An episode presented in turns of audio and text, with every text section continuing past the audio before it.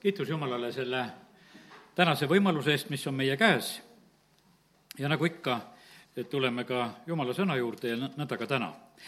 praegu on selline aeg lihtsalt, kui kalendri järgi võtad, et on, homme on hingede päev, eks nende pühadega on nii, nagu on, et äh, neid on omal ajal tehtud, neid muudetakse, ma usun seda, et veelgi muudetakse meie eluajal, küll tehakse neid juurde ja ja mõned vahest kaovad kuskile ja, ja sellepärast need, need asjad võib-olla nagu nii kõige tähtsamad ja olulisemad ei olegi, see oli kuskil aastal tuhat, kus paavst seda hingedepäeva lugu hakkas sättima ja tegema ja ja nüüd üheksakümnendad tõid meile selle uuesti ja ja muidugi on nende kristlike ja paganlike pühadega üks selline häda, et nad on nii üksteisest nagu läbi põimitud ja nad ongi teadlikult läbi põimitud ja sellepärast on seal nii, et, et seal on neid paganlikke kombeid ja värke ja nagu selle hingede päevaga, et pange need küünlad ja kutsuge neid hingesid ja, ja suhelge nendega, no mis on täiesti vale surnud peavad saama rahus puhata ja sellepärast on see nii, et jumala sõna ütleb sedasi, et see on üks jäledus, eh, kui, kui sellega tegeldakse.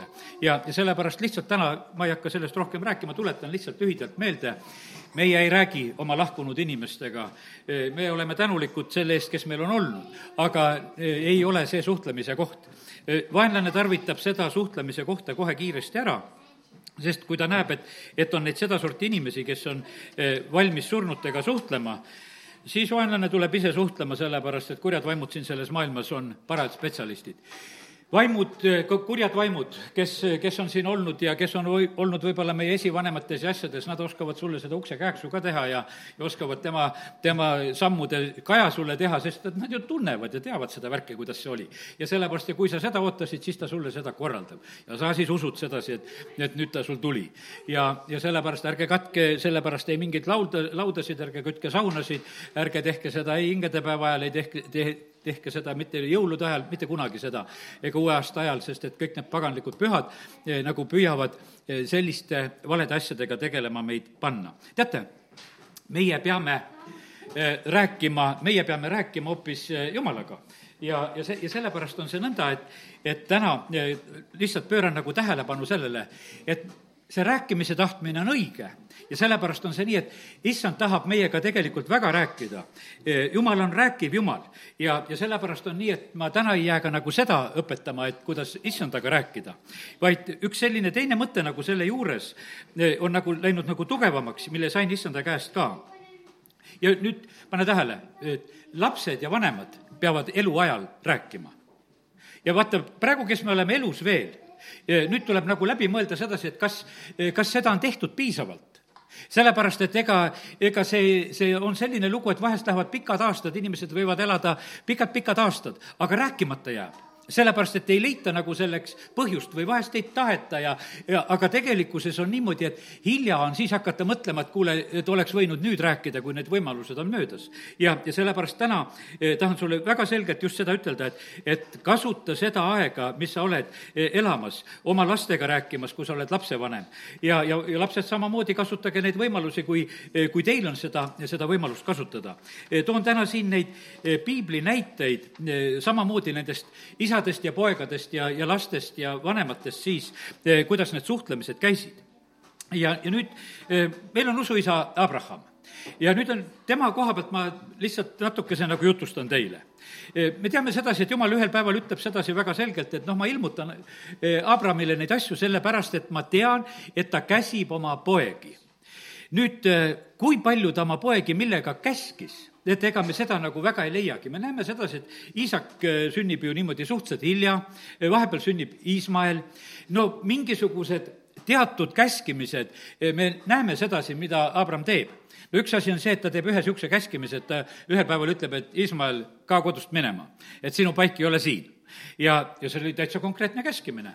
ja see oli juba niisugune teismeline poiss ja sellel oli ikka paras šokk, see tead, et, et olen, olen olnud, hea küll, kiu-, kiusasin natuke nooremat venda ja naersin teda, aga näed, nüüd löödi mind tegelikult kodust välja ja löödigi välja ja, ja, ja seda pidi tegelikult eh, Abraham ise tegema, sellepärast et seal oli niimoodi, et Saara küll seda asja seal ka nagu tõstis üles, seda, seda probleemi, mis oli. aga kui ma niimoodi mõtlen sedasi, et no mida siis Abraham käskis, no üks oli niisugune asi. Ja no, ja mis ta siis Iisakiga veel tegi, see oli veel hullem sellel võttis kratist kinni, ütles, et nüüd lähme ohverdama. sidus kinni, paneb altari peale. vaata, need olid isa teod, mida isa tegi aga kui siis edasi vaatame sedasi, kui Abram sureb, Abraham sureb, siis on niimoodi, et Iisak ja Iismael tuleb matma. Need teise abielu omad nagu ei olnud sealjuures üldse, kui noh, lihtsalt pühakirjast loed, seal otseselt ei tule välja, et need Keturaga sündinud veel eh, poisid siis oleksid tulnud sinna. aga me näeme sedasi, et Iisak ja Iismael kahekesi toimetavad seda matust, kui nad oma isa matavad. Nad austasid oma isa ja, ja nad tegid seda. ja me näeme sedasi, et, et see oli nüüd, ütleme, et üks selline elu, see oli üks niisugune teatud suhtlemine ja, ja võib-olla oli selline noh, kui nad on suhteliselt vana ja lapsed või võib-olla noh, ei oskagi ütelda sedasi, me oleme harjunud rääkima sellest eh, Abrahamist kui hirmus vanast kogu aeg, aga me näeme sedasi, et pärast, noh, tal oli veel seal teise naisega lapsed ja ja elu aga läks edasi, et nii, et nii hull see asi ei olnudki vast, aga aga me näeme nii, et, et see oli nagu ühe pere elu. ega kõik isad ei ole ühtemoodi. ja nüüd järgmine isa, keda ma võtan sedasi, et kus need isad ja, ja pojad peaksid suhtlema, ma võtan Iisaki ja selle, nüüd selle ühe poisi eh, ja kellele siis sünnivad eh, tegelikult ka siis eh, omad, omad pojad veel ja Jakob ja Eesav. ja Iisak on üldse üks väikese jutuga mees. Sest et kui nüüd näeme sedasi, et ta seal oma kaevudega jändab ja tal on teatud asju, mida ta seal elus toimetab ja teeb, ja, ja siis on ta niimoodi, et ta jääb ju tegelikult Rebecca varju ta on pime ka seal lõpuks ja õieti ei näe ja, ja ega me ei, palju ei kuule üldse, et mis temagi suust tuleb. ja, ja sellepärast on see nii, et, et täna natukese nagu õpime. ta on väiksema jutuga ja sellepärast pole sellest häda midagi. sageli on niimoodi, et paljud mehed on väiksema jutuga kui naised. no midagi teha ei ole. me näeme, kuidas Rebecca sebis ringi igal pool, ta õiendas kõike, kuulas kõike, vaatas kõike, ütles, et no nüüd, mis on vaja, e, muudkui, muudkui nagu toimetas sedasi. aga õnnistus tuli Iisaki käest see oli nüüd niimoodi, et ühel päeval, kui, kui isak arvab sedasi, et nüüd on igati see aeg nagu kätte jõudnud ja ma teen lahti siin esimese Moosese kahekümne seitsmenda peatüki, eh, siis on ta niimoodi, et, et ta hakkab õnnistama eh, ta kutsub oma eh, siis vanema poja alguses, saadab teda jahile, see läheb jahile, seal on kaua aega jahil ja vahepeal Jakob jõuab seal emaga ette ja tema tuleb juba seda õnnistust võtma. ja teame seda lugu, kõik need Eesavi riided ja asjad on mängus ja ja, ja, ja nüüd kakskümmend seitse salm, kui siis äh, astub ligidale äh, see Jakob sinna oma isale, siis ta ütleb nõnda, näe mu poja lõhn, otse kui väljalõhn, mida issand on õnnistanud. jumal, andku sulle taevakastet ja maarammu ning külluses vilja ja veini. rahvad orjaku sind, rahvaimud kummardagu sind ole oma vendade isand, su ema pojad kummardagu sind, neetud olgu, kes sind neab, õnnistatud olgu, kes sind õnnistab ega väga, väga pikk jutt ka ei olnud, aga ta selle õnnistuse annab konkreetselt ja selgelt, annab siis Jakobile sellisel moel edasi. hiljem, kui Eesav tuleb ja nutab seal ja saab aru, et tema on sellest õnnistusest ilma jäänud, siis kolmkümmend üheksa salm ütleb, kus isak veel prohveteerib ja ütleb talle, vaata su sulase, vaata, vabandust, vaata su eluase on eemal rammusest maast, ilma taevakasteta ülalt, sa pead elama oma mõõgavaral, sa pead oma venda orjama, ometi sünnib, et kui end raputad, rebid tema ikke oma kaelast. nii et te, tema saab ühe sellise, noh, lihtsalt selle, mis oligi tegelikult nagu see, see teine osa. ja nüüd on nii, et et oli lihtsalt üks isa ja, ja kiitus Jumalale, et, et ta need, need asjad teeb nüüd järgmine isa eh, on Jaakop, kui siit järjest võtta sedasi ja siis tema tegelikult üks selline õnnistuste tagaajaja noorest põlvest ja, ja tal on palju selliseid asju, mis ta elus on. küll unenägu, kui ta on seal Peetelis ja, ja kui, kui ta näeb seda treppi või redelit, mis läheb taevasse ja tõotab seal, et hakkab kümnist maksma ja, ja on üks selline mees. siis ta on seal Laabani juures ja, ja, ja siis ta saab seal omale need kaks naist, sest et alguses saab ühe ja, ja mida ta ei tahtnud ja pärast saab teise, mida ta tahtis ja, ja, ja siis sünnivad talle pojad ja ta on karjane seal seal ja, ja terve see elu seal käib. ja jumal on temaga tegelemas, näitab talle, ilmutab talle, kuidas karja edendada ja, ja, ja kõik need asjad tegelikult tulevad jumala käest. kallid, jumalaga tasub suhelda. ma neljapäeva õhtul rääkisin Uue Antslas just sellest, et, et sellel on käesoleva elu tõotus, selles on käesoleva elu jaoks õnnistus. sellepärast, et vaata, kui, kui sa oled jumalaga asjamas, sul läheb karjavärk hästi, ta teadis, kuidas lõpuks karja saab edeneda, ei pidanud, no ütleme, Väimelas õppima, vaid lihtsalt jumal tegi selle asja talle selgeks, ütles, et kuidas, kuidas see asi käib. ja, ja sellepärast eh, julgustan meid, et, et jumalaga suhtlemine on igas valdkonnas on hea. tahad laeva ehitada, suhtle jumalaga, tahad mis iganes asja teha, on ehitused, värgid, no kõik, jumal kõigis valdkondades tegelikult saab sind eh, aidata ja nüüd on niimoodi, et Jakob, kui ta siis tuleb, siis ta on veel seal jumalaga lausa võitlemas ja saab oma uue nime. Ja ta on noh, ütleme, sellist, sellist elu siis nagu elamas, kui ta tuleb tagasi. Ja siis sünnivad need niisugused rasked asjad, mis on muidugi ka Jakobi elus ühel päeval on tal lein oma poja Joosepi pärast. no mis on küll täiesti vale korraldatud lugu, et justkui Joosep oleks tapetud, aga tegelikult Joosep oli maha müüdud orjaks ja oli teel Egiptuse poole ja aga ta elab tegelikult oma elus ühe sellise perioodi ja võib-olla natukese ühe teise nurga alt tuleme korraks selle juurde ka veel. aga nüüd, nüüd nagu ma hakkan tulema nagu nende asjade juurde, kus Jakob hakkab õnnistama, vaata, kus oli mees. ta kaks korda öö, õnnistab Vaarod no mis sul pähe tuleb, kui sa saad Vaaroga kokku, eks ütleme, mingi kuninga või peaministri või presidendiga või no mida sa üteldada oskad, eks. me näeme sedasi, et, et Jakob on see, kes kohe kasutab nagu seda võimalust, katsume selle kohe üles leida, kus ta on õnnistamas, ma võtangi selle koha, Jakob nelikümmend seitse peatükk, esimene Mooses. ja siin on lihtsalt seda kirjeldatud nõnda, et, et Joosep tõi oma isa, seitsmes salm sellest peatükist, tõi oma isa ja, siis Jakobi ja pani seisma Vaaro ette ja Jakob õnnistas Vaarod.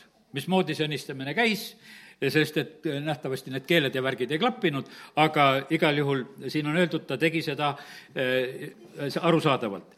ja Vaaro küsib tema käest seda, et mees, kui vana sa oled?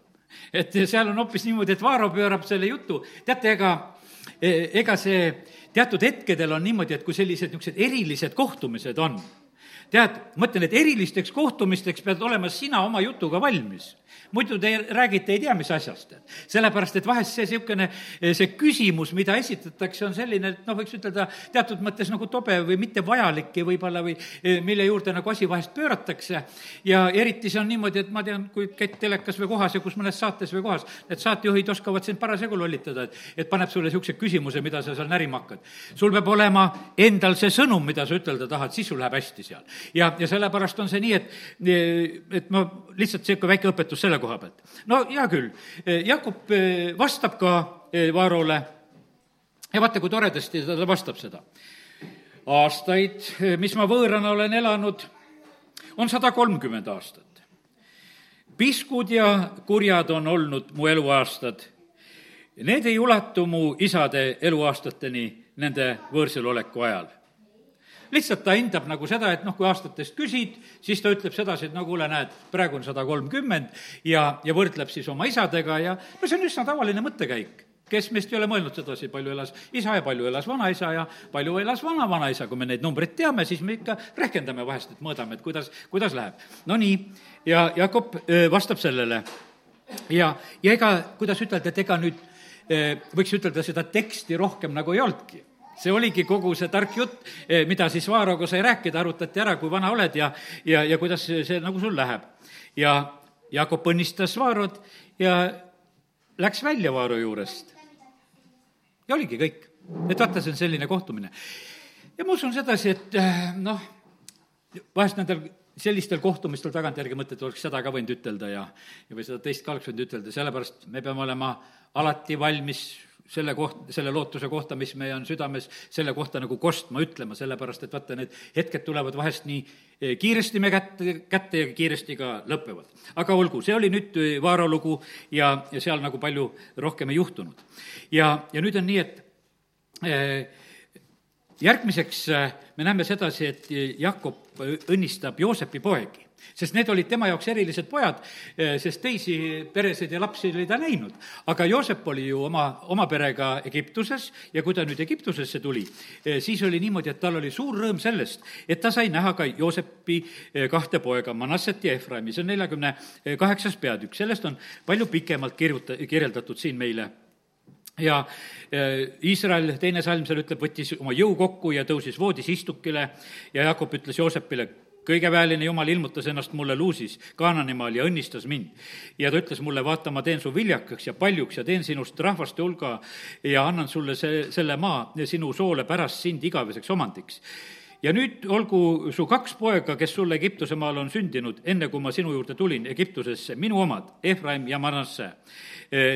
olgu minu omad nagu Ruuben ja Simeongi ja aga su järeltulijad, kes sünnivad sulle veel pärast, olgu sinu päralt. Ja neid nimetatagu oma vendade nime järgi nende pärisosades. nii et Jakob teeb seal ühe niisuguse selge piiri, ta võtab nagu täielikult need kaks poissi vastu. ja ta silmad, kümnes salm, keerame lehte, kui on keerata, ja ütleb nõnda, et Iisraeli silmad olid vanaduses tuhmid, ta ei näinud enam, ja siis Joosep viis oma pojad tema juurde, ta neid, annab nendele suud ja süleleb, ja Iisrael ütleb Joosepile, eks ei oleks uskunud, et et saan näha su, su nägu, aga vaata, jumal on mind lasknud näha ka su järglasi. Ja siis ta võtab need eh, mõlemad pojad, Joosep sätib Efraimi paremale käele ja, ja, ja siis eh, Iisraelist. Ja, ja, ja Manasse siis Iisraelist vasakule poole, vabandust, just jah, eh, tema paremale käele ja Iisraelist vasakule poole, Manasse aga vasakule käele Iisraelist paremale poole. ta tahtis niimoodi, et see Manasse, tema esmasündinu, eh, jääks selle parema käe alla, seal oli ikkagi väga konkreetne tahtmine see, et, et see parema käe õnnistus, et see on see parem. ja, ja sellepärast Joosep oli väga nagu valvamas seda, kus on. aga no me teame seda lugu, et Jakob teeb nii, paneb käed risti ja viskab käed ringi ja nüüd on nii, et ja, ja ta noh, ütleme, Joosep isegi korraks nagu, nagu pahane selle peale, et mis sa praegusel hetkel teed, et miks sa niisugused käed risti viskad. no oli ikka Joosepil ju positsioon ka, sa oled juba harjunud, sa oled Egiptuse valitseja. Ja, ja sest, et ja praegusel hetkel sünnib midagi nii, no tead, Vaaro ütles ju Joosepile nõnda, et kuule, siin maal ei sünni mitte midagi, tead, ilma sinu sõnata. ja nüüd on niimoodi, midagi sünnib teistmoodi. aga noh, oma isa tegi seda. oma isa viskab käed ringi ja kogu lugu, isa järgi ka ei anna. ja, ja, ja sellepärast on ta nii, et aga loeme neid sõnu, kuidas ta seal siis ka õnnistab. viisteist salme sealt edasi. jumal, kelle palges mu isad Abraham ja isak on rännanud. jumal, kes on olnud mu karjane kogu mu elu kuni tänapäevani ingel, kes mind on päästnud kõigest kurjast, õnnistagu neid poisse. Neid nimetades, nimetatagu minu nime ja su isade Abrahami ja Iisaki e, nime ja nad siginegu rohkesti keset maad ja kui Joosep nägi, et isa oma parema käe asetas siis Efremi peale, siis ta teeb seda lugu, aga isa keeldub, üheksateist salm, sellest juba rääkisime. ja, ja nüüd isa siis ütleb veel sedasi, ma tean, üheksateist salm ütleb nõnda, mu poeg, ma tean, ka tema peab saama rahvaks ja temagi peab olema suur. ometi peab ta noorem vend saama temast suuremaks ja selle sugu olema rahvarohke. ja ta õnnistas neid sel päeval, öeldes, sinu nimel õnnistagu Iisraelis öeldagu, Jumal tehku sind Efraimi ja Manasse sarnaseks. nõnda seadis ta Efraimi Manassest ettepoole. nii et me näeme, et vaata, siin on ju, mida ma täna räägin ärge käige surnuajal küünlaid panemas sellepärast, et nagu tahaks midagi suhelda ja ka asju korraldada. suhelge ära, võtke kõik õnnistused vastu, võtke, võtke kõik need asjad, olge niimoodi, et olge lausa küsimas. Ma tean sedasi, et ega alati isegi nende vanade käest välja ka ei küsi. sellepärast, et need, no kui, kui seal on mingisugused sellised omad arusaamised ja, ja häbid ja ma ei tea, mis asjad on, et ega vahest suguvõsa teadmisedki ei lähe edasi. ja, ja siis võid internetist vaadata seda, et seda, seda genipuud, et kuidas seal läheb ja noh, et kas sealt saad midagi tarkust juurde. tegelikult peaks seda saama väga selgelt oma kodust, oma vanematelt, kes jutustavad ja räägivad neid lugusid, mis on. ja, ja sellepärast mu tänane selline sõnum on see, et, et see osa on tegelikult väga, väga tähtis, et tuleb rääkida. ja Jakob on siin selleks heaks eeskujuks. nii et ta ei jätnud mitte mingisugust eh, segadust ka nüüd ütleme Joosepi poegade koha pealt. ta andas, andis nendele Iisraelis positsiooni. Eh, ta andis järjekorra nendele väga, väga selgelt. Eh, ta tegi seda väga selgelt ta ei mõelnud seda südames, et noh, et äkki ma riivan praegu Joosepit ja mulle ei meeldi siin niisuguseid keerulisi asju rääkida. ei, ta julges selle pärandi teha väga julgelt. teate, need, kes julgevad pärandeid teha julgelt, need hoiavad pahandused eemal. kes ei julge pärandeid julgelt teha, need, need panevad suguvõsad tülli seal oma jamadega pärast. ja, ja sellepärast on see nõnda, et ma julgustan täna, et oleme, oleme julged nendes asjades, viime tegelikult asju lõpuni. ja nüüd eh, Jakob, kui ta hakkab oma poegadega eh, siin edasi rääkima, ta kutsub enda juurde nelikümmend üheksa peatükki, peatükk hakkab neid õnnistama. Ja me näeme seda, et et selles on õnnistust, selles on hinnangut ja see on nii pikk peatükk, ma ei hakka seda praegusel hetkel nagu lugema, eile piiblikoolis natukese siin mõnda asja ka ütlesime, eh, just eh, mida ta ütles siin Juuda ja või vabandust, mida ta ütles Simeoni ja Leevi kohta just, aga praegusel hetkel on see nõnda, et, et jätame nagu selle, aga ta kõigile tegelikult annab teatud korraldused, õnnistused, juhised ja ma usun sedasi, et need olid väga, väga olulised asjad, et need tegelikult said välja räägitud ja sellepärast kasuta neid võimalusi, mis sul on elus. kasuta neid õnnistamiseks ja sa ei pea ootama seda, seda surivoodi hetke, et, et siis ma hakkan õnnistama, sa võid seda alati teha, kasutades neid võimalusi, andku jumal sulle tarkust seda, sellepärast et see on, see on niivõrd oluline ja tähtis asi, et, et need asjad läheksid lihtsalt edasi. nii et issand andis väga selge sõnumi selle koha pealt, et, et meie peame rääkima ja tegema seda eluajal. kuningas Taavet, olen hiljuti temast rääkinud, räägin täna siia juurde veel. see külg, mis meil on vähem Taavetist tuntud, mis on Taavetist vähem tuntud? Taavet on meile, eks, kuningana tuntud, Taavet on meile tuntud sõjamehena, Taavet on tuntud meile ülistajana, no ütleme, et see on väga tuntud. aga Taavet ehitajana, selles mõttes, kui nüüd ütleme, Taavet on andmas üle oma seda kuninga ametit, kui ta annab seda üle, siis ta teeb seda tegelikult väga, eh, väga põhjalikult. ma teen lahti nüüd esimese aja kakskümmend kaheksa korraks ja see on eh, see koht, kus Taavet annab üle kavandi templi koha pealt ja, ja see on väga selline detailne ja, ja, ja täpne ja väga vajalik. kakskümmend kaheksa, üksteist. Taavet andis oma pojale Saalomonile templi eeskoja hoonete, varaaitade, ülakambrite, siseruumide ja, ja kõige pühama paiga kavandi. no vot, Saalomon hindab templi, aga see kavand, kõige pühama paiga kavand kavand oli ikkagi täiesti noh, selline kavand, et kui loed siit üheksateist salm veel, see kõik on kirja pandud issanda käest on mul õpetus igaks selle kavandi kohaseks tööks ja sellepärast oli see seletuskiri oli ka väga täpne tegelikult sealjuures. ja, ja see, see ei olnud mitte mingisugune juhuslik, aga teate, kust koha pealt see tuli? tead, sul on edasi anda oma järeltulevale põlvele, kui sa issandaga suhtled sul ei ole kavandit anda, kui, kui sa, kui sa issandaga ei suhtle. ta oli tegelikult selle issandaga suheldes saanud, jah, meil on laulud kirja pandud, aga siin ta tegelikult samas eh, paneb kirja kõik selle ja ta annab selle eh, Saalomonile üle. no sealjuures on kõik need materjalid ja töölised ja, ja lauljad ja kõik eh, varustust ja noh, ütleme, et, et ta teeb väga sellise võimsa ja, ja põhjaliku üleandmise. esimese kuningate raamatu teises peatükis, ei hakka praegu seda lahti tegema, aga lihtsalt nimetan, seal ta õpetab Saalomoni veel, ta õpetab õpetab seal Joabi koha pealt. Joab oli rahuajal varanud verd ja ta ütleb, et see mees ei tohi niisama hauda saada. Barsillai, kes oli teda õnnistanud, ta ütleb, et tema järglasi tuleb õnnistada ja teda tuleb õnnistada.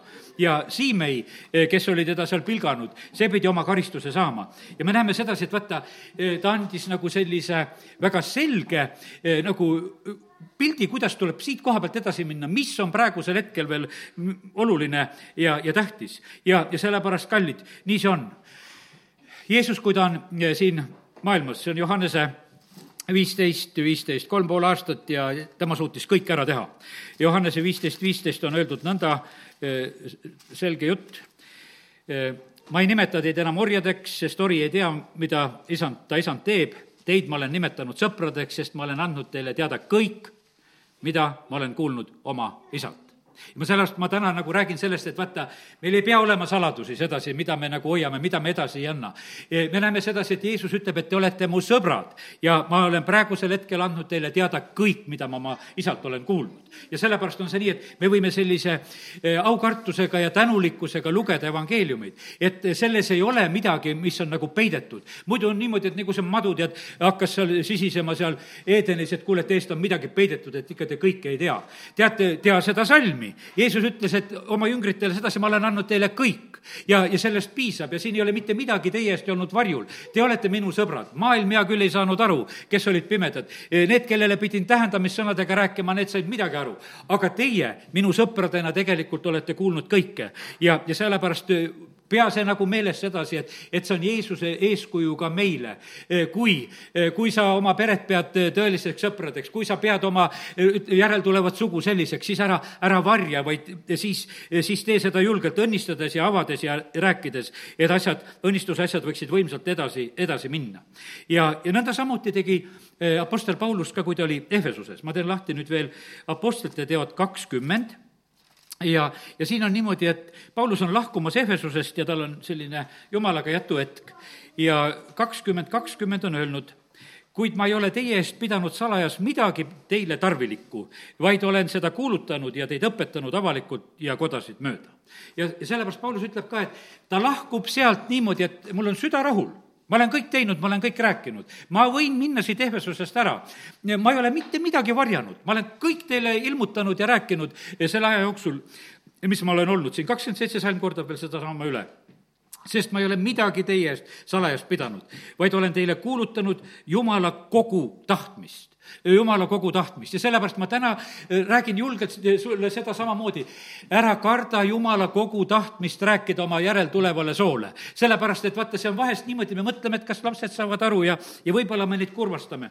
üks äh, vend, kes elab äh, praegusel hetkel Prantsusmaal ja, ja, ja, siis noh, kellest olen natuke niimoodi kuulnud lihtsalt, et ta ütleb sedasi, et, et tema ema nagu teda kutsus jumala juurde sellise jumala kohtu ja hirmutamisega, et poeg, kui sa niimoodi elad, põrgu lähed. ja no lihtsalt tema kutsus teda selliselt, lihtsalt ütles, et kui sul on selline elu, ta on tänulik sellele, et ta ema nagu selliselt nagu noh, ei, tõde ei varjanud sest et noh, et sa ei pea nagu kartma, sa, kui sa nii elad ja jätkad, et sinna sa lähed, et sul pääsu ei ole. sest et vahest on meil selline, et, et mingisugune armastuse evangeelium jälle lööb üle, et me muudkui armastame ja armastame.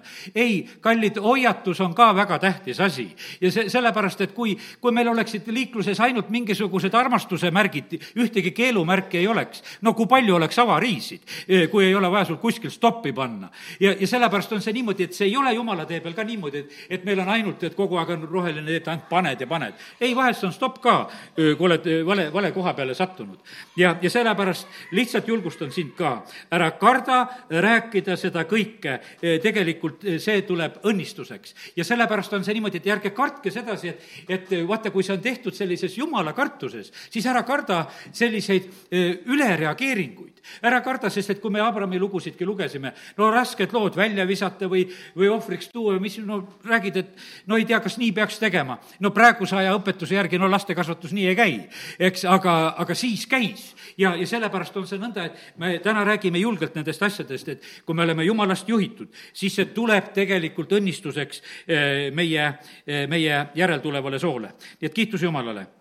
nüüd eh, lähen edasi järgmiste asjade juurde, jätan need isad ja pojad ja need lood. ah, ühte lugu natukese peab ikka ütlema veel ja see on Luka viisteist. see on Jeesuse räägitud tähendamissõna isast ja kahest pojast ja, ja, ja lihtsalt see pilt sellesama koha pealt, mis on väga oluline nagu, mis sealt meile välja tuleb, on see, et vaata, see isa annab poe, poegadele need pärandid kätte ja jagab ära ja noorem poeg läheb ja raiskab ja tuleb tagasi ja, ja aga vaata, isa jookseb talle kaugele vastu ja sellepärast nagu see mõte täna, täna ka, kui ma räägin sedasi, et, et eh, ikkagi tuletan meelde, vanematel on suurem vastutus kui lastel.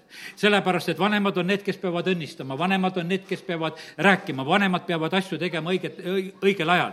Eh, vanemad on nagu need. Malachi raamat lõpeb samamoodi, et ta pöörab, kuidas, ta pöörab vanemate südamed laste poole ja laste südamed eh, vanemate poole on teiseks. ja sellepärast me vanematena peame olema need, kes me oleme avatud, kes meie pöördume, eh, mitte oma nõudmistega, vaid just sellise avatuse ja armastusega, et nii nagu Luka viisteist, isa jookseb vastu, annab talle suud, ütleb, et kõige paremad riided, kõige paremad kingad, eh, kõik, kõik ja pojakene, tule koju. mitte selline, et eh, kuule, et ma ei taha sind eriti näha. nii kui Taaveti elus juhtus see viga, kui Haapsalum tuli koju tagasi. ütleb, hea küll, koju võib tulla, aga ma ta nägu näha ei taha aga ütle, mis asi see on selline, et kui sa nägu näha ei taha. seal tegelikult ei olegi ju midagi. ja, ja sellepärast on see nõnda, et kallid, eh, meil on tegelikult väga suur vastutus, kes me oleme ka just vanematena elamas, et, et me neid vigu ei teeks. me kuritarvitame vahest seda, et vanemaid peab austama ja, ja, ja noh, ütleme, et ja kõik, et austama isa ja ema ja see, see pannakse vahest nagu sellise sõnakuulekuse alla, et lapsed peavad, et täiskasvanud lapsed peaksid justkui kuulama oma vanemate sõna. et need, mis aga ütlesid, muudkui teha. pastor Olga Kolikova hiljuti vastas küsimustele ja seal oli niimoodi, et üks kahekümne seitsme aastane noormees ja kahekümne kahe aastane tüdruk no tahtsid abielluda. aga siis selle tüdruku vanemad laitsid maha, ütlesid, oh, ei ole üldse nii vaimulik, kui me tahaksime oma tütrele saada niisugust ikka niisugust tubli ja meest ja ja no aga muidugi nad küsisid lihtsalt pastori käest nõu, et kuule, et no mis meist saab, et meil on armastus. aga vanemad ei võta vastu ja õiendavad siin selle asja koha pealt. see ütles, et ei, et ega eh, see austus on see, ütled oma isale-emale aitäh, mis sa siit saadik oled teinud ja lähed oma teed. ja, ja kogu lugu, et sellega oled austanud küll juba. ja, ja sellepärast, et see, see ei ole selliselt, et, et nemad oskavad sulle seda ära ütelda, kuidas sinu elu peab edasi minema. ja, ja sellepärast, kallid, me ei tohi vanematena neid, neid vigu teha ja sellepärast täna, kui näed, on eh, selline, noh, natuke nüüd tuleb hingedepäeva jutt, nüüd tuleb rohkem. vaata, teate, milles see probleem üldse on? see ongi meie hinges meie hinged on tehtud sellised, need on nagu mingisugused klepekad.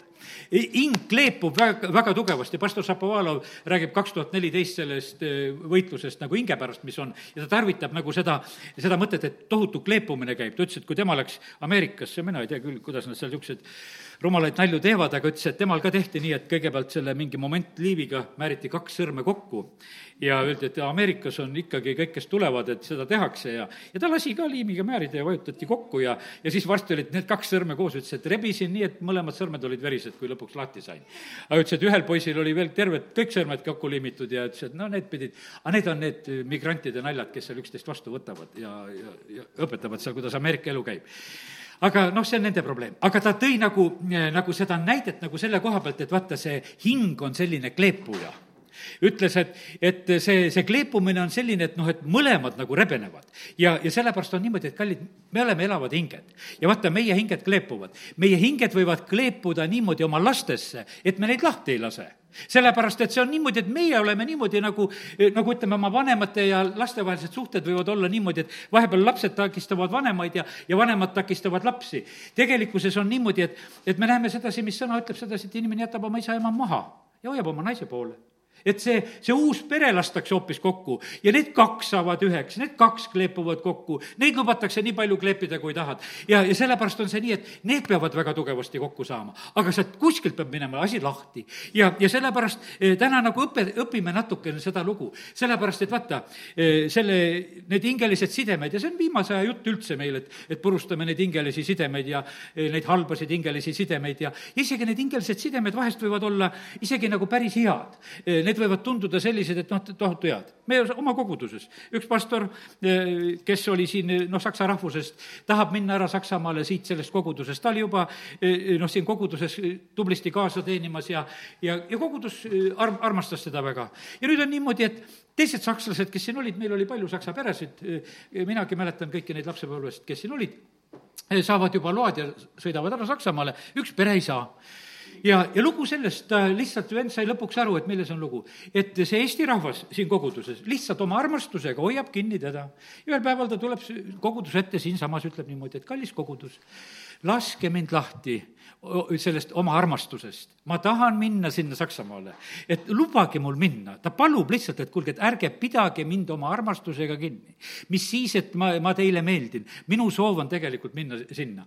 no ja ja siis, kui ta esitas dokumendid ja siis ta sai, sellepärast et, et siis juba tehti nagu teadlikumalt otsust, inimesed eh, tegid seda nagu seda sideme purustamist, et me lubame sul minna. ja sellepärast on see niimoodi, et see, mida meie oma südametes nagu noh, imustame ja kinni hoiame, see on tegelikult eh, tohutu sellise eh, mõjuga siin selles vaimses maailmas just mõjumas. ja, ja sellepärast on niimoodi, et täna kontrollime neid asju üle, et ega meil ei ole mingisuguseid niisuguseid valesid asju, millega me nagu oleme mõjutamas teiste elu ega ei lase elada saada ja lihtsalt, kui venna koha pealt ütlen sedasi, tegi väga õnnistatud tööd Saksamaal, seal oli tal tuhandene kogudus, ehitas ühe palvele, ehitas seal laages veel teisegi palvele sinna juurde, sellepärast et maja ei mahutanud ära.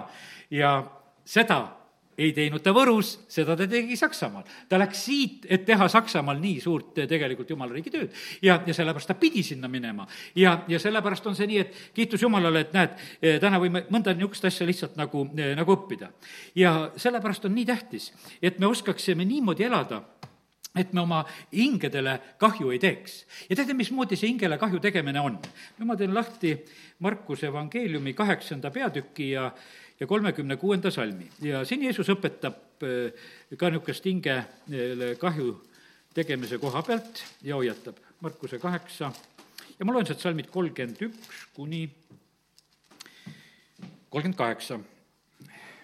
ja Jeesus hakkas neid õpetama, et inimese poeg peab palju kannatama ja hüljatama vanemate ja ülempreestrite ja kirjatundjate poolt ja tapetama ning kolme päeva pärast üles tõusma ja ta rääkis seda üsna avalikult ja Peetrus viis ta kõrvale ning hakkas teda noomima. aga Jeesus pöördus ja vaatas jüngritele ja sõitles Peetrust. tagane vastupanija, noh, saatan, sest sa ei mõtle Jumala, vaid inimese viisil. ja Jeesus kutsus rahvahulga koos oma jüngritega enese juurde ja ütles, kui keegi tahab käia minu järel, siis ta salaku oma mina ja võtku oma risti ja järgnegu mulle. sest kes iganes tahab päästa oma elu, kaotab selle, aga kes iganes kaotab oma elu minu ja evangeeliumi pärast, päästab selle. sest mis kasu on inimesel sellest, kui ta võidaks terve maailma, aga teeks kahju oma hingele. sest mis oleks inimesel anda oma hinge lunahinnaks jah, kes iganes häbeneb mind ja minu sõnu selles abielurikkuja patuse sugupõlve ees, seda häbeneb ka inimese poeg, kui ta tuleb oma isa kirkuses koos pühade inglitega. ja nüüd on siin üks hoiatus, et hingele saab kahju teha hing on üks niisugune huvitav asi, et hinge külge kleepuvad asjad kõik kergesti. võta kassipoeg, kleepub hinge külge ja see on noh, nii, sest et vaata, see ongi niimoodi, meie need, meie tunded, emotsioonid, tahe, võiks ütelda, meie mõistus ja, ja tunded ja, ja tahe, noh, ütleme, need, need kolm, mis, mis on nagu meie hinges nagu need valdavad asjad, eks. E, ega seda hinge nii lihtne ära seletada ei olegi. ja nüüd on niimoodi, et, et noh, ütleme, et see kassipojaka on meie tunnetele hea. palgapäev on meie tunnetele hea. Noh, on ju meeldiv? tead, mõjub hästi, need asjad, kõik, kõik osad asjad on niimoodi. ja kui sa nüüd hakkad mõtlema sedasi, et need asjad, mis on nagu tunnetele head, tunnetel oleks olnud hea, kui kannatust ei ole eks ja sellest Peetrus läheb, hakkab Jeesust nooma ja mõtleb, kuule teie, et, et sellist värki ei oleks vaja. ometigi jumala plaan oli meid päästa selle tapetud talle kaudu. ja, ja sellepärast on see nii, et, et aga see, nüüd see hingelugu hakkabki niimoodi, et see hing tahaks kleepuda nende asjade külge, mis talle nagu endale kuidagi on väga meeldivad. ja, ja me leiame neid asju ja sellepärast on see nii, et need võivad igasugused asjad olla, mille külge meie hing, hinged kleepunud on. kellel on need tööriistad, kellel on auto, kellel on maja, kellel on mis, no ütleme, inimesed, asjad, ütleme, et see on nii, nii tohutu palju tegelikult, mille külge tegelikult hing saab kleepuda. ja, ja, ja seda ma usun sedasi, et me mõistame seda ühel hetkel, et, et kuivõrd kleepunud see on. ja nüüd on nii, et eh, Jeesus hoiatab, ütleb, et, et, et te oma hingele kahju ei teeks, sest et need asjad, mille külge sa kleepud, vaata, seal on väikene samm edasi. Sa neid väga armastad.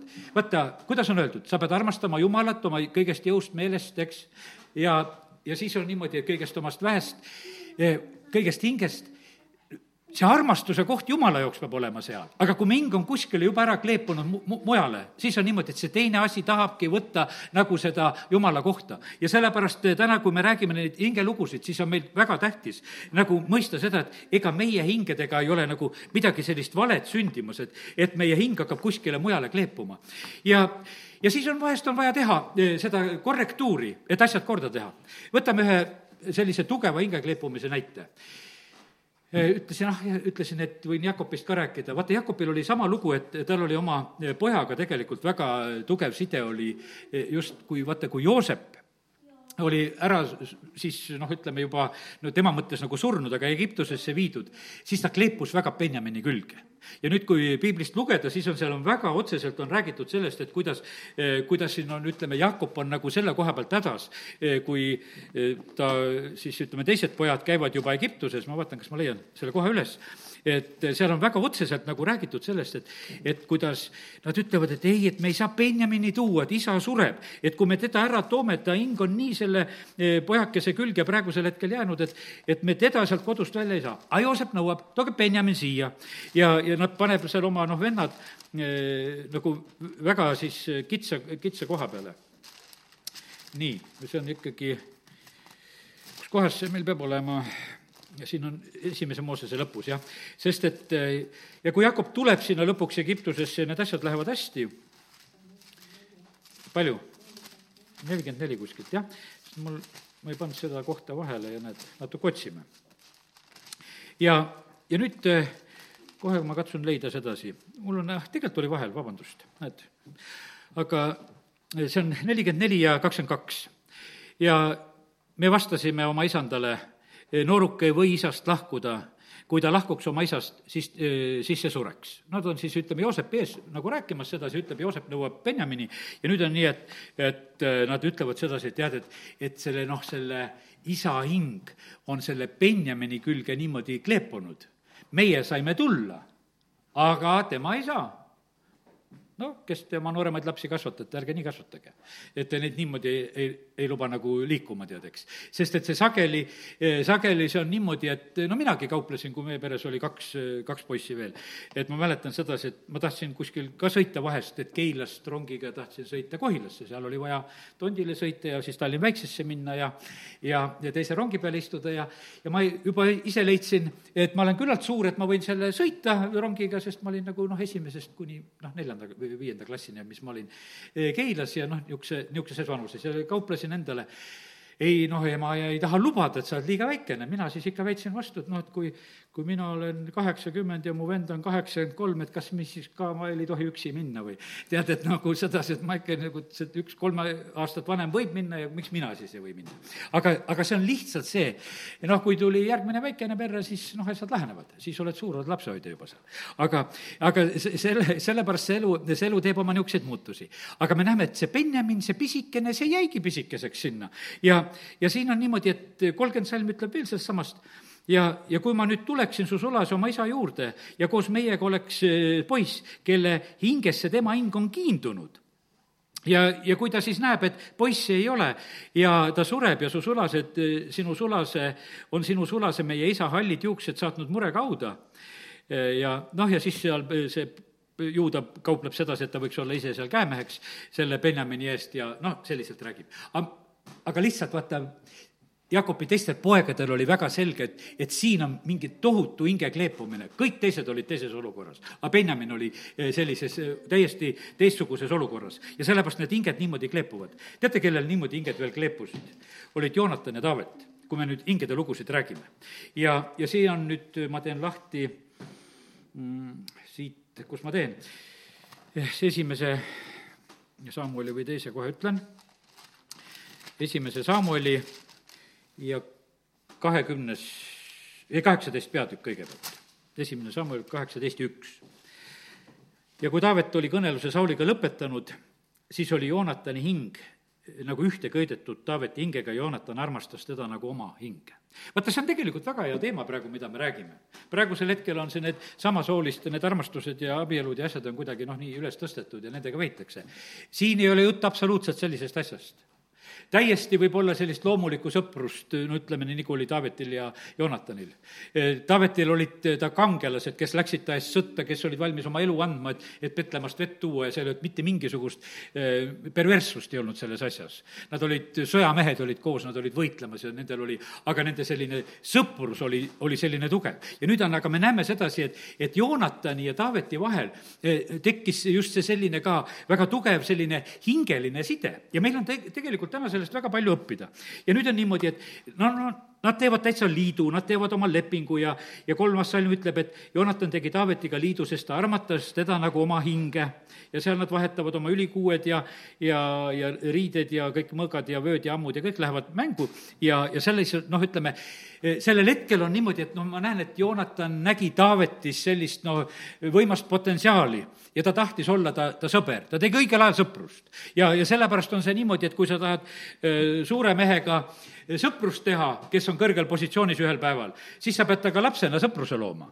Sellepärast, et hilja on siis, kui ta juba kuningas on, et kuule, et ma tahan sinuga sõber olla. aga kui sa lapsena olid sõber, siis sa oledki kuninga sõber ja sellepärast on niimoodi, et Joonatan nagu, mina ei tea, midagi ta nagu haistis, et kuule, et, et siin on Taavetiga tasub eh, kohe see sõprus luua ja ta lööb selle koha nagu väga tugevalt kinni ja, ja piibel räägib sellest ka nagu sellisest, täiesti sellest nagu hinge, hinge kleepumisest. ja, ja see läheb siin nagu järjest edasi siin on kahekümnes peatükk ja seitsmeteistkümnes salm, mille olen ka siia märkinud, e, kus on öeldud nõnda, ja Joonatan vannutas veel Taavetit vastastikuse armastuse juures, et ta armastas teda, et ta armastas e, e, teda siis nagu oma oma hinge. nii et see on selline väga tugev selline liit ja armastus, mis oli kehtimas nende vahel, sest seal olid juba, Taavet pidi olema põgenenud ja omad keerukused olid. nüüd järgmine järgmine koht, kuhu ma liigun, on eh, kahekümne kolmas peatükk ja, ja seal on salmid kuusteist ja, ja kaheksateist, mis ma olen siin jälle märkinud. Ja, ja siin on räägitud niimoodi, Joonatan võttis siis, Joonatan, Sauli poeg, võttis siis kätte ja, ja läks Taaveti juurde metsakorusse ning kinnitas tema kätt Jumalas. ja ta ütles temale, ära karda, sest mu isa Sauli käsi ei leia sind, vaid sina saad Iisraeli kuningaks, mina olen sinust järgmine ja ka mu isa Saul eh, teab seda ja nad mõlemad tegid issanda ees liidu, eh, Taavet jäi metsakorusse, aga Joonatan läks koju. vaata, nüüd ma usun, et kes me teame, kuidas see Taaveti ja Joonatani lugu lõpeb, see lõpeb niimoodi, et noh, tegelikult äh, Joonatan sureb koos oma isaga samal päeval ja ütleme, et noh, ta vennad ka veel. aga milles on küsimus? vaata, see küsimus ongi selles, et mis side on tugevam. me näeme sedasi, et vaata, siin ka loed sedasi, Joonatan läks jälle koju. ta läks jälle isa juurde tagasi. ja nüüd on niimoodi, et see teine äh, side, see teine kleepumine, mis oli oma isa Sauliga, oli sellel hetkel, oli tugevam ja ta heitles selle koha pealt. ja sellepärast, kallid, meie oma vaimulikudes eludes võime olla, vahest on niimoodi, et, et inimestel võivad olla niimoodi, et noh, et nagu jumala tõmme on teatud määral, et kuidas sa peaksid liikuma ja, ja sul on niimoodi, et kas on inimestega koguduses või, või on mingisuguse noh, kogudusega või koguduse kommetega või lauludega või mingisugune kleepumine on kuskil niimoodi, et, et sa ei suuda nagu edasi minna sellepärast, et noh, et see mingisugune vana hoiab sind kogu aeg kinni. ja, ja põhimõtteliselt me näeme, see, siit on nagu õppida sedasi, et, et näed, Joonataniga juhtubki tegelikult see, tead, sinuga juhtub see, kuhu sa oled kõige kõvemini kleepunud, ma tahan täna ütelda kui sa oled kõige tugevamini jumalasse kleepunud, siis sa sinna jäädki. aga kui see, noh, ütleme, et on selline noh, kohtumine ja lähed jälle koju, kus sa oled veel tugevamini kleepunud, siis sinuga läheb nii, nagu seal kodus parasjagu tehakse nii nagu Sauli kojas tehakse. sellepärast, et vaata, see, sa, sa võid ju isegi teatud määral nagu liikuda ja nagu rääkida ja, ja tõotada ja siin koguduses on ka mulle tõotatud osad, et tulevad sisse, et, et ma siit ei lähe enam, siis ma ütlesin oi-oi-oi, niisugust juttu harva kuuled. ja, ja ega need ei ole, sellepärast on, Riias oli üks mees, üks sõjaväelane, ütleb Alekseile, et ma olen sulle valmis olema ustav nagu koer. aga see koer oli varsti kadunud. aga no mis koeraga viga tead, anna jalaga ja küll minema jookseb, tead. ja, ja sellepärast, sellepärast on see niimoodi, et är, ärme, ärme neid rumalusi tee, aga kontrollime sedasi, et kus on tegelikult meie tõeline kleepumine. ja mina kutsun täna üles ainult sedasi, et, et kleepuge issandasse, kleepuge temasse kõige tugevamini. ma lugesin sellepärast Taaveti laulu selle kuuskümmend kaks alguses, kus, mis ma alguses lugesin. ta ütleb sedasi, et näed, et üksnes Jumala juures on muing vait ja ta jättis kõik oma kangelased, ta jättis kõik need Joonatanid, ta ei hakanud mitte kedagi seal kiitma, et kuule, et, et mul oli hirmus tähtis see, et mul need asjad olid. jah, ta oli Joonataniga valmis nagu seda, seda liitu ja asju tegema, aga ta ei rajanud selle peale. ta ütleb ikkagi, kuuskümmend kaks laulu, et jumala juures ole mõing vait ja tema käest mulle tuleb. ja ärge pange oma lootust, üksteist salm, vale ja riisumise peale ärge lootke tühja, kui jõukus kasvab, ärge pange seda mikski. vaata, siin on nüüd see lugu, et, et sa võid kleepuda varanduse külge, sa võid kleepuda asjade külge, sa võid kleepuda kõige külge, mis on noh, nagu saab enam oma hinge panna. ja sellepärast Taavet ütleb, et ei hing peab olema jumala küljes kinni ja vahet ei ole nende teiste asjadega ja ei saa mitte mingisuguse muu asja peale panna, kui mujale paned, eh, läbi, läbi kukud. ja, ja sellepärast kiitus Jumalale, et, et eh, näed, täna siin sellises hingede ajas oma hingedele teeme palju head, kui me neid asju räägime. nüüd ma teen lahti veel teise sammuli üks, kakskümmend kuus ja, ja siin on veel üks koht, mis on märgitud, tuleb lugeda. ja see on kohe käes ahah, siin on lihtsalt veel üks ütlemine, mida tahtsin ütelda, näed, eh, selle Joonatani ja Taaveti sõprusest. ja nüüd on niimoodi, et eh, see on nüüd see eh, laul, kui Taavet on leinamas Sauli ja, ja Joonatani ja siis on see kakskümmend kuus salm. mul on sinu pärast kitsas käes, mu vend Joonatan. sa oled mulle väga kallis, naiste armastusest imelisem oli su armastus minu vastu. ja näed, siin ei ole sedasi, et, et nagu naist või on tarvitamas oma sõpra, vaid ütles, et see, mis meil tegelikult oli nagu omavahel kokku lepitud, need lepingud ja asjad, mis me oleme teinud, ja, ja see armastus, mis oli imeline, aga ta on kurb, et vaata, see just eh, niimoodi nagu lõppes ja lihtsalt ta, lihtsalt see seda väljendab. ja sellepärast, kallid, nii see on, et oleme siin täna. Eh, peame nagu oma hinge eest tõsiselt hoolt selle koha pealt, et me nagu jälgiksime sedasi, et eh, kuhu, kuhu on meie hing leepunud. see on tegelikult nagu see meie tee, kuhu me oleme eh, nagu liik-, liikumas jumala sõna räägib meile väga selgelt, meie usu eesmärk on meie hingede pääste. väga tähtis on see, et me oma hingedele need eh, kah-, kahju ei teeks. jumal tegelikult suunab meid kogu aeg nagu nende, nendes asjades eh, et meie vaimingi ihu oleks ilma laitmata hoitud Kristuse päevaks. ja, ja jumala sõna eh, on see, mis võib meie hinged päästa. ja kui me usume, kui me ei kaota seda usku, see on Hebra kümme kolmkümmend üheksa, ütleme selle ka täpselt veel, et me oma hingedele nüüd ei teeks mingisugust muud probleemi, siis tuleb jumala sõnast need alused võtta. aga, aga meie ei ole need Eh, kes taganevad hukatuseks, vaid need, kes usuvad ja, ja päästavad hinge. ja sellepärast need taganemiseks, noh, ütleme, teid pakutakse kogu aeg meile siin selles maailmas, aga eh, me ei tohi jumalast taganeda, nii kui me taganeme, me tegelikult kaota, kaotame oma, oma pääste. ja, ja sellepärast kiitus Jumalale. ja tahan sul lihtsalt julgustada selle koha pealt, et vaata, me võime igale poole, ühed mõtted ühel päeval siin olid niimoodi veel, et näed, mis jagan lõpuks sulle veel näed, Hanna teeb sellise maksimaalse eh, jumala peale toetumise, ütleb, et jumal, kingid poja, annan sulle. Eh, Simsoni vanemad püüdsid väga hästi teha, kui nad saavad teada, et nendele sünnib poeg ja, ja see jumala eriline eh, kohtumõistja, siis nad uurivad sedasi, et kuidas teda tuleb kasvatada. me näeme seda, ja ma ütlen nagu lõpuks nagu seda, et kui ma olen rääkinud vanemate ja laste suhetest ja asjadest, meie lahendus on küsides Jumala käest ja lahendus on nagu sealt, küsida Jumala käest. Joosepit ja Maarjat, Jeesuse vanemaid, maiseid vanemaid siis eh, lihtsalt instrueeris samamoodi Jumal eh,. andis väga selged juhised. lapsed on üldse kingitus meie käest eh,, Jumala käest ja sellepärast meil on niimoodi, et meil on väga vaja laste koha pealt küsida Jumala käest lahendusi ja vastuseid. no minu laste kasvatamise ajal oli niimoodi see Benjamin Pukk või kus Pukk või kes ta seal oli, eks, üks niisugune raamat, no see oli see tehtud. no tead, kui see tuli välja, siis noh, see pidi olema, et kuidas potitada ja kuidas käituda ja kuidas kõike, siis on nagu sealt otsid üles. no nüüd enam nähtavasti ei ole see, nüüd otsivad internetist ja mina ei tea, mis jututoad ja värgid ja, ja kõik, asjad lahendatakse kuskil. Ära, aga kallid, meie peame oma la-, asjad lahendama salajases kambris et me lihtsalt ei torma, sest et jumal ütleb sulle kõige täpsemalt selle tema loodud lapse kohta. me ei pea seda psühholoogide abi otsima ja, ja me ei pea nagu seal kurtma ja rääkima ei tea mis asju kokku. ja, ja sellepärast on see nii, et me peame küsima Jumalalt. ja, ja sellepärast olgu Jumal meie esimene nõuandja, olgu Jumal meie esimene arst ja, ja sellepärast need on nagu meie eh, kõige tähtsamad asjad. ja vaata, siis on niisugune tähtis asi on veel. kui me juhatame oma lapsed noorelt Jumala juurde ja ka ise Jumala käest küsime nõu, siis juhtub üks hea asi. meil on üks nõuandja, siis tuleb harmoonia kui laps suhtleb Jumalaga ja, ja siis on see nõnda, et, et siis me saame neid asju eh, just ka Jumala käest kuulda ja nii et kiitus Jumalale selle eest, et, et eh, oleme täna võinud seda sõna kuulda issanda käest, tõuseme ja oleme palves. halleluuja, halleluuja. Aino, kas sul see sõna on kaasas? Halleluuja, isa, ma tänan sind, et tohin praegusel hetkel eh, lihtsalt tänada sind selle sõna eest, mida sa oled täna siin andnud.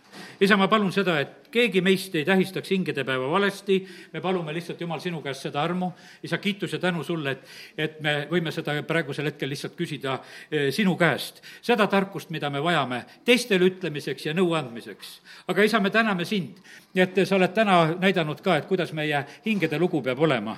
aita meid valed hingelised sidemed, head ja halvad purustada, mida ei pea olema, ja isa, me palume seda, et, et meil oleks kõige tugevam side oleks sinuga, sinuga suhtleksime, eh, sinu tarkus tarkuses kasvataksime lapsi, sinu tarkuses elaksime koos oma abikaasadega, sinu tarkuses suhtleksime, Jumal, inimestega, kes on meie ümber.